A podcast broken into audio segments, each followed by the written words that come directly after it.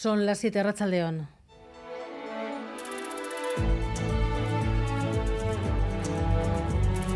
Gambara con Arancha García.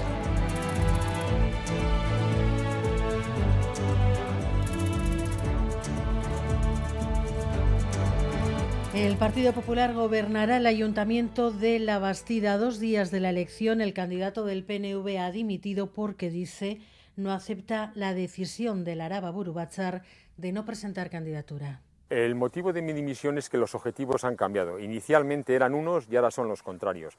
Nosotros la directriz que recibimos del Araba Buru Bachar ha sido la de no presentar candidatura en el Ayuntamiento de La Bastida. Como no estoy de acuerdo con ese planteamiento, lógicamente me hago a un lado y he presentado mi dimisión. ¿Qué dice la ABB? Fuentes de la Ejecutiva Alavesa explican que los resultados no fueron lo suficientemente buenos como para liderar, como hace cuatro años, un acuerdo con EH Bildu para desbancar al Partido Popular. Faltan dos días para la constitución de los ayuntamientos.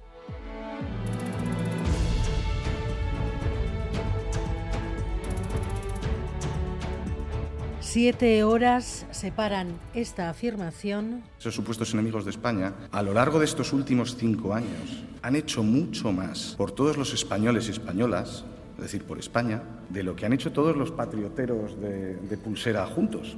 Esta afirmación de esta otra.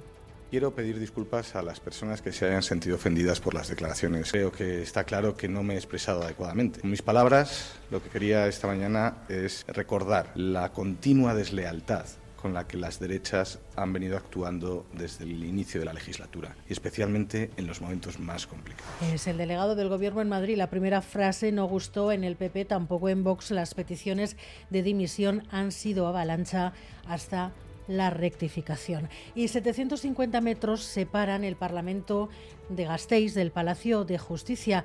A la misma hora, frente al Parlamento, una nueva movilización de Erchañas volvía a cortar el tranvía durante dos horas, esta vez con permiso judicial, en los juzgados juicio a un trabajador de Tubacex por los incidentes durante su huelga de hace dos años por resistencia y atentado a la autoridad. No, es, no ha sido una concentración, ha sido una manifestación. Para dejarlo claro, se corta por la manifestación, igual que por la nuestra, igual que por el resto de manifestaciones que se han hecho en Vitoria siempre.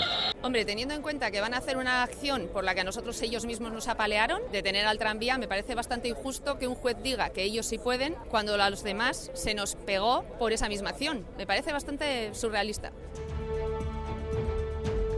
Y el Parlamento ha exigido la revisión de los protocolos de protección a las víctimas de violencia machista tras los asesinatos de Gasteiz y Orio que estamos dispuestas a revisar, a reescribir y a replantear las normativas y los protocolos. Revisión exhaustiva con la participación de las y los miembros de asociaciones de supervivientes. Debemos de seguir adoptando medidas para avanzar en esta detección precoz en todos los ámbitos. Que a pesar de tener marcos normativos, requieren revisarse, requieren evaluarse y requieren incorporar más miradas y octava subida de los tipos de interés en la eurozona, octava subida consecutiva, otro cuarto de punto más, hasta el 4% y con la novena subida prácticamente anunciada para dentro de un mes. La presidenta del Banco Central Europeo achaca gran parte de las dificultades para frenar la inflación a los altos costes laborales. Amaya Portugal.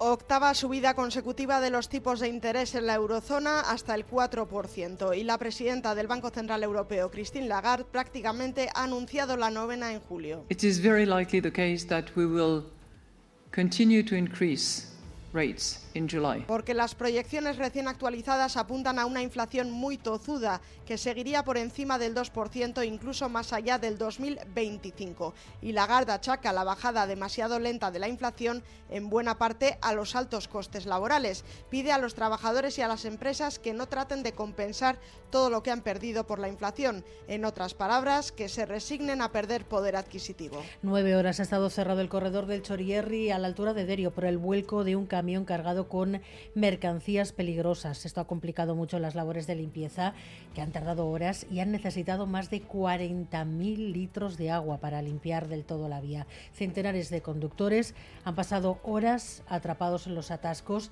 llegar al aeropuerto, por ejemplo, solo ha sido posible por vías alternativas. Hemos venido por la carretera vieja, en autobús, directamente se ha desviado por ahí al ver el atajo. Pero como ya lo sabía, el taxista entonces lo que ha hecho es ha dado la vuelta ya. Cuando nos montamos al autobús, él nos dijo que había un accidente que por eso se tenía que desviar y venimos, pero no dilatamos mucho tiempo.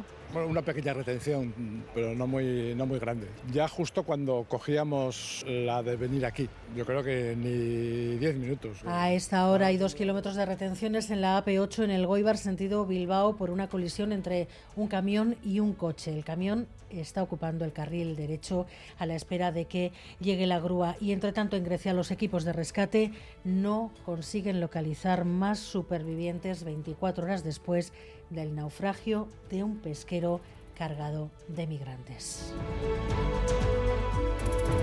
Los deportes, ¿con qué argumentos hoy? Acercaré a Garracha León. Garracha León, el Deportivo Galaves ultima su preparación para la gran final por el ascenso a Primera División del próximo sábado en Oriols frente al Levante. Luis García Plaza no ha descartado todavía a Salva Sevilla. El Consejo de Administración de Leibar ha hecho balance de la temporada. La presidenta Maya Gorostiza ha asegurado que Gaizka Garitano no ha sido bien tratado y cree que el nuevo técnico Joseba Echeverría puede aportar aire fresco e ilusión al equipo azulgrana. El Amore, que competía con el Eibar en segunda división, ha presentado la continuidad de su director deportivo Asier Goiría y de su entrenador Aritz Mújica por una temporada. En ciclismo, Juan Ayuso ha ganado la quinta etapa de la Vuelta a Suiza y el danés Esquielmos ha recuperado el liderato y en golf ha comenzado el US Open y John Ram se encuentra todavía en el hoyo 6, provisionalmente es décimo.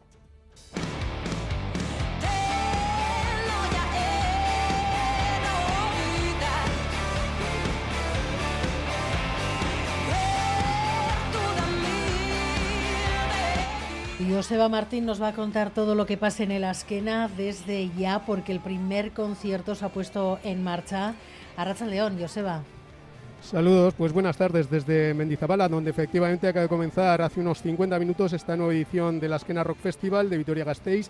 Se ha encargado de ello el cuarteto rockero de Donostia Lier, con un sonido potente, un ritmo sin descanso, incluso uniendo varias canciones en su inicio. El grupo que lidera la cantante y guitarrista Líder Hernando ha dado paso hace unos instantes al grupo Brasileños Mutantes, una banda pionera en fundir las raíces de su país con la psicodelia y el rock progresivo. Se fundó en 1966. En su formación inicial estuvo Rita Lee, una cantante que dejó la banda en el 72 y que desgraciadamente falleció el pasado 8 de mayo. Los mutantes que llevaban décadas sin tocar en Brasil han reactivado su carrera en estos últimos años, así que esta visita a la esquena es una buena ocasión para disfrutar de una formación histórica. Seguirán a los mutantes el estadounidense Steve Earle, conocido artista de country folk muy contestatario, que actuará en solitario, eh, suponemos que con armónica, guitarra y mandolina, y a continuación el Drogas con los 40 años de barricada, el rock combativo de la multifacética Lydia Lunch y los californianos Rancid, pionero en la gran oleada del punk rock californiano de los 80. Es todo desde Mendizabala, cielo despejado 24 grados y acaba de iniciar la música Os Mutantes.